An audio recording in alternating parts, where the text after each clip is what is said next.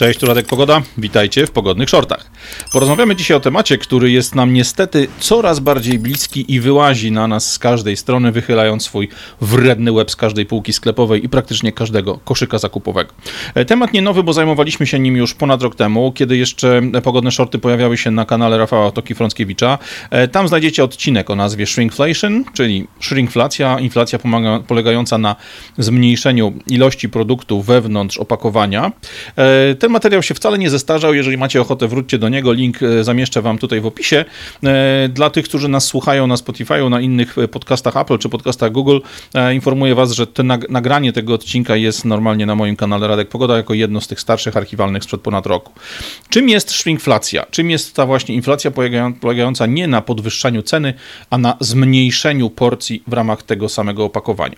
Czymś, co dziś widzimy praktycznie na każdym kroku. E, zobaczcie, no tu jest akurat informacja e, od jednego z Twitterowiczów. W ciągu trzech miesięcy kupowany przez niego często popularny płyn do płukania zmniejszył, zmniejszył się o 100 ml, e, czyli tak naprawdę to jest zmniejszenie niebagatelne.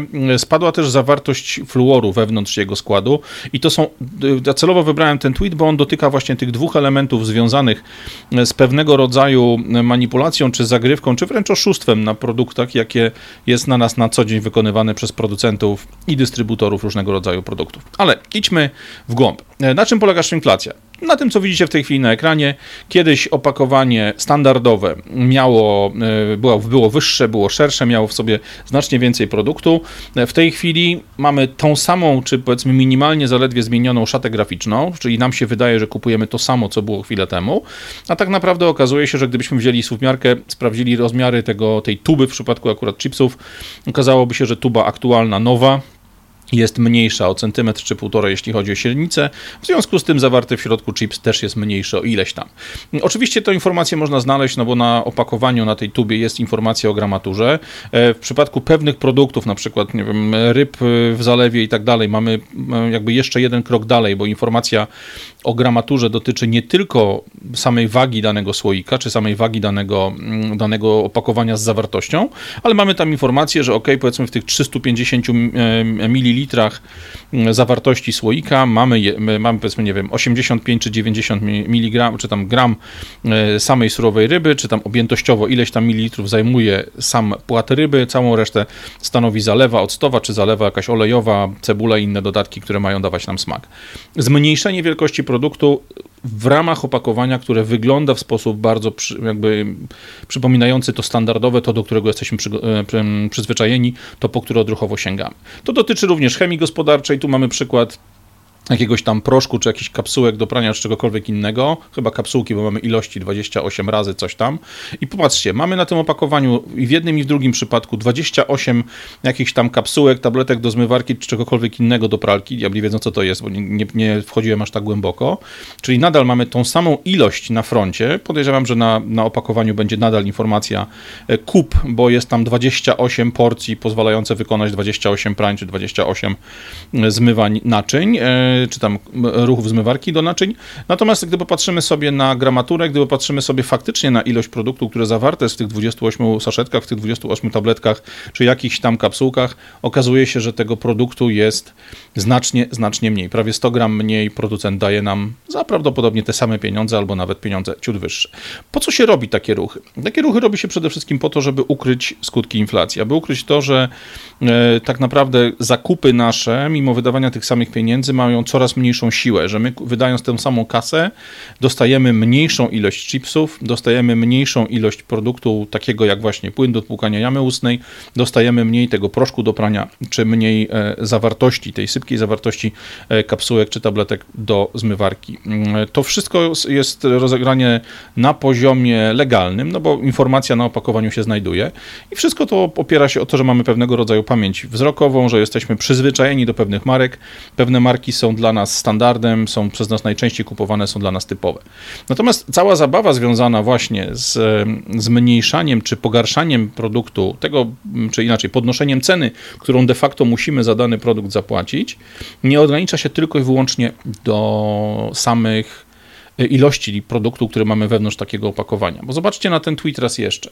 Pan Mudry mówi, że nie tylko zmniejszyła się ilość w opakowaniu, nie tylko z 600 ml to aktualne nowe opakowanie zawiera już tylko 500 ml tego płynu do płukania, ale również producent zmniejszył o ponad połowę zawartość fluoru, zawartość tego, tej substancji, która teoretycznie powinna nam dawać jakiś tam benefit, jakąś, jakąś korzyść, substancji, która jest jednym z głównych powodów, jeśli nie jedynym, do tego, aby dany produkt kupić, aby właśnie dany produkt wybrać sobie z półki. E, producent tutaj zmniejszył ilość tego fluoru o ponad połowę z 500 e, ppm, czyli parts per million, na 225. Czy to się odbija w cenie? Nie. Cena jest ta sama, sklep ten sam, producent też. Downsizing, czyli jak ja to nazywam, shrinkflation, to jest to, z czym mamy do czynienia.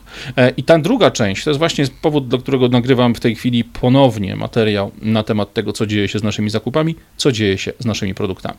E, co jest istotne, e, tak naprawdę w związku ze raptowną, skokową zmianą kosztów związanych z rosnącymi cenami energii, z rosnącymi cenami paliw, z tym wszystkim, co wiąże się zarówno z konsekwencjami polityki rządów, jeśli chodzi o gospodarkę finansową w latach COVID-a, jak i w tej chwili kwestii związanych jakoś tam ze zmianą sposobu zasilania Europy i szerzej świata zachodniego w paliwa związane właśnie z wojną na Ukrainie. Aż 46% dużych firm, przynajmniej dużych firm w Polsce, zdecydowało się w roku 2022 na to, żeby poszukać tańszych surowców, tańszych materiałów i usług u tańszych dostawców. I teraz co jest bardzo istotne, te tańsze materiały i tańsze surowce to są elementy, które bezpośrednio wpływają na nasze zdrowie, na nasze e, życie w pewnym stopniu, no bo pogorszenie jakości składników może skutkować skróceniem naszego życia tym, że po prostu będziemy mieli dużo gorsze samopoczucie po zastosowaniu takiego nowego produktu, po zjedzeniu, czy wtarciu w skórę, czy wykąpaniu się w produkcie, który jest zrobiony z gorszych elementów, z gorszych surowców. E, I to jest temat, który na, naprawdę przechodzi praktycznie bez echa. E, ja jestem o tyle szczęśliwy, szczęśliwej, to chociaż to pewnie złe słowo w takim, w takim znaczeniu, o tyle ciekawej, czy w tej, o tyle szczęśliwej sytuacji, e, że nauczyłem się czytać etykiety produktów, które kupujemy na co dzień w sklepie e, już dawno, dawno temu. E, akurat nasza młodsza córka miała ten problem, że była właśnie małym, małym dzieciaczkiem, miała podejrzenie celiaki, czyli podejrzenie choroby, w której praktycznie wszystko ją uczula. Pamiętam więc do dzisiaj, że po wizycie u lekarza, który robił jej badania, po wizycie, który tą celiakię właśnie zasugerował. Poszliśmy z małżonką do jednego z lepszych sklepów wtedy w naszej okolicy, nie jakiegoś tam Biedronki czy jakiegoś innego dyskontu, tylko sensownego, porządnego sklepu spożywczego. I łaziliśmy przez blisko godzinę między półkami, próbując znaleźć produkty, których nie będzie elementów, które szkodzą młodszej, które u młodszej powodują wysypkę, które u młodszej powodują ból brzuszka. To wszystko, co małe dziecko e, odbiera właśnie jako, jako osoba uczulona na pewne składniki żywnościowe. E, pomijam już temat e, tego rozpoznania. Na szczęście ono okazało się nietrafione. Faktycznie młoda była przez ponad pół roku na diecie strasznie wrednej, drakońskiej, ale okazało się, że te objawy nie zniknęły, no więc przywróciliśmy ją na pełną dietę i faktycznie okazało się, że celiaki nie było. Ale dzięki tamtemu okresowi, dzięki temu półrocznemu czasowi, kiedy faktycznie czytałem praktycznie wszystkie etykiety, z którymi mieliśmy do czynienia przy zakupach spożywczych. Ja ten nawyk czytania etykiet mam do dzisiaj. Co można na tych etykietach znaleźć?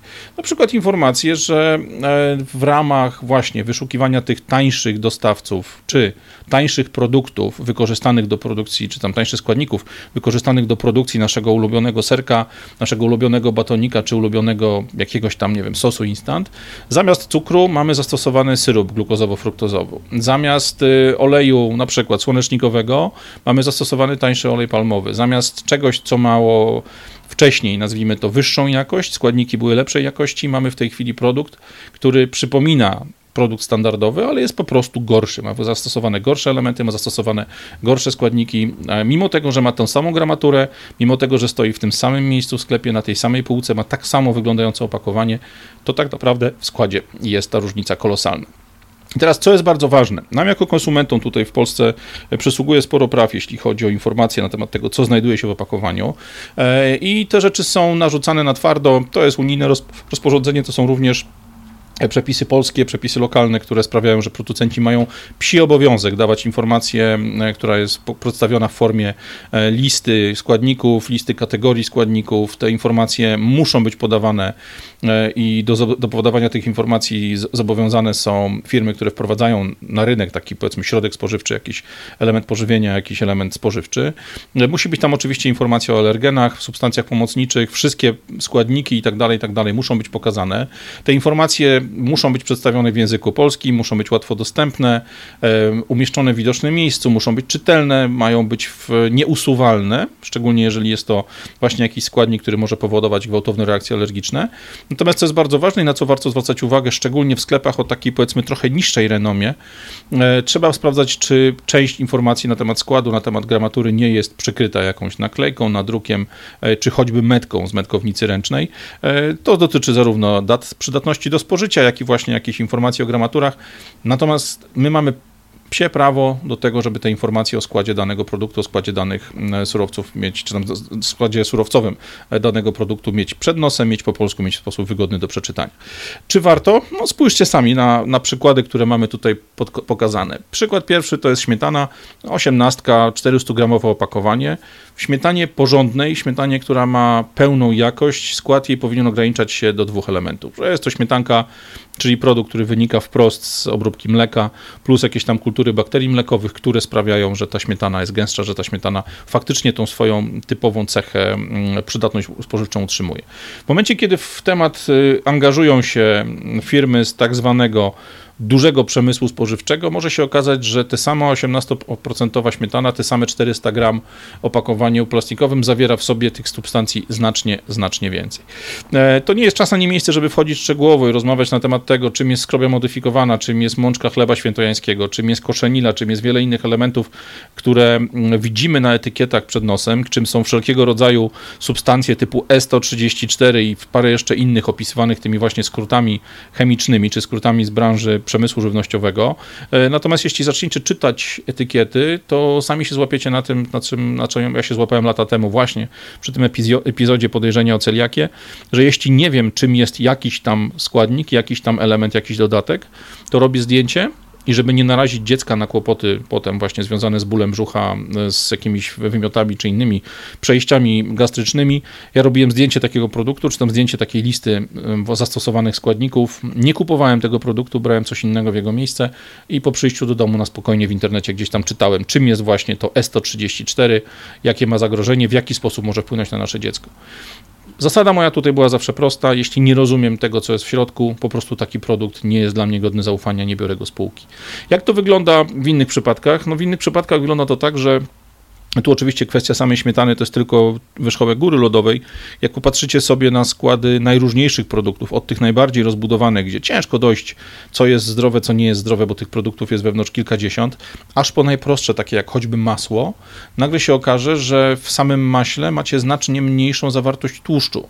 I ta zawartość tłuszczu oznacza, że po prostu w miejsce masła, które powinno mieć tam te 80 kilka procent tłuszczu, macie dodatki różnego rodzaju estrów, różnego rodzaju e, tłuszczy innych rzeczy, które są związane mm, właśnie z przemysłem spożywczym, a niekoniecznie z tworzeniem żywności. I taki produkt jest po prostu dużo gorszej jakości niż powinien być. Gdybyśmy mieli tylko sytuację taką, że te podmiany produktów są e, właśnie raportowane na opakowaniach, byłoby pół biedy. Niestety w tej chwili, po, podciągając rzeczywistość, e, czy właściwie inaczej, podciągając swoje ruchy pod rzeczywistość dookoła nas, akurat w tym wypadku związaną z wojną na Ukrainie, producenci i importerzy właśnie spożywczy e, wywalczyli sobie zgodę polskich inspekcji handlowej, polskich inspekcji e, sanitarnych na to, żeby w związku z brakiem produktów płynących z Ukrainy albo przez Ukrainę standardowo, żeby przez określony tam krótki okres mogli nie pokazywać informacji o tym, że zmienili skład danego produktu na opakowaniu, no bo jest to związane tylko z czasowym brakiem danego produktu, z czasowym brakiem danego składnika. E, I faktycznie jest tak, że inspekcja dała możliwość, czy dała zgodę na to, żeby producenci korzystali z tak zwanych tymczasowych sposobów informowania konsumenta o zmianie składu produktów, natomiast musi to być uzasadnione właśnie tym, że dany produkt pochodzi z Ukrainy, że dany produkt tylko stamtąd da się przywozić e, i to dotyczy przede wszystkim tematów związanych właśnie z słonecznikiem, z olejami słonecznikowymi, z produktami zbożowymi, których Ukraina była ogromnym producentem, ogromnym eksporterem. Natomiast musi to być związane właśnie z, tylko i wyłącznie z sytuacją samej Ukrainy. Czyli wytwórca słodyczy, tak jak to macie tutaj pokazane, nie będzie mógł zastąpić czekolady jakimś wyrobem czekoladopodobnym, jakimś badziewiem z alembika, uzasadniając to wojną, bo jeżeli ta czekolada nie pochodzi z terytorium Ukrainy, no to w tym momencie nie ma żadnego powodu, aby zgodnie z prawem taki składnik zastąpić, nie informując o tym e, klienta. Co więcej, te firmy, które na, faktycznie z tymi problemami związanymi z dostawami z Ukrainy muszą się mierzyć, mają psi obowiązek znakować swoje produkty, znakować swoją żywność e, znaczkiem, który widzicie na ekranie. Ten znaczek to właśnie określa e, informację o tym, że jest to produkt jakby generowany, czy produkt oferowany w okresie tej, tego wyjątku, no i w tym momencie, jeżeli jest tam podmiana oleju słonecznikowego, olejów roślinnych, surowców, składników, tych, które są właśnie związane z produkcją ukraińską, e, to ta zmiana musi być określona, i taka naklejka czy taki nadruk tego i harsu tego systemu powinien się na produkcie pojawić. Jaki z tego wszystkiego wniosek? No, wniosek jest taki, że nawet idąc na zakupy, nawet wydając te nasze pieniądze, które coraz mniej mogą kupić ze względu na szaloną inflację, nie możemy tracić czujności. Musimy patrzeć na to, co wkładamy do koszyka, a potem jeszcze raz na to, co z tego koszyka wrzucamy do gara i z gara na talerz. Naprawdę warto jest czytać etykiety, naprawdę warto jest patrzeć na gramatury, patrzeć na to, co się zmienia w składzie naszych produktów, e, bo może się okazać, że szczególnie jeżeli taka zmiana następuje, kiedy widzimy właśnie zmianę wielkości opakowania czy zmianę e, jakiegoś składu, może czasami się pojawić taka sytuacja, że warto jest kupić jedną, na przykład, nie wiem, butelkę naszego ulubionego napoju, czy jeden batonik, sprawdzić, czy jego smak nie zmienił się na gorsze na tyle, żeby faktycznie nie nadawał się on dalej do jedzenia albo nie dawał nam radości, e, zamiast kupować standardowo całego opakowania, całej zgrzewki czy jakiegoś tam kartonika. Patrzcie na etykiety, patrzcie pod względem na, ze względu na swoje pieniądze, ze względu na smak, na radość tego, że jemy e, coś, co nam faktycznie smakuje, co nam poprawia dzień, a przede wszystkim ze względu na swoje zdrowie. Radek Pogoda, pogodne shorty. Na razie. Cześć.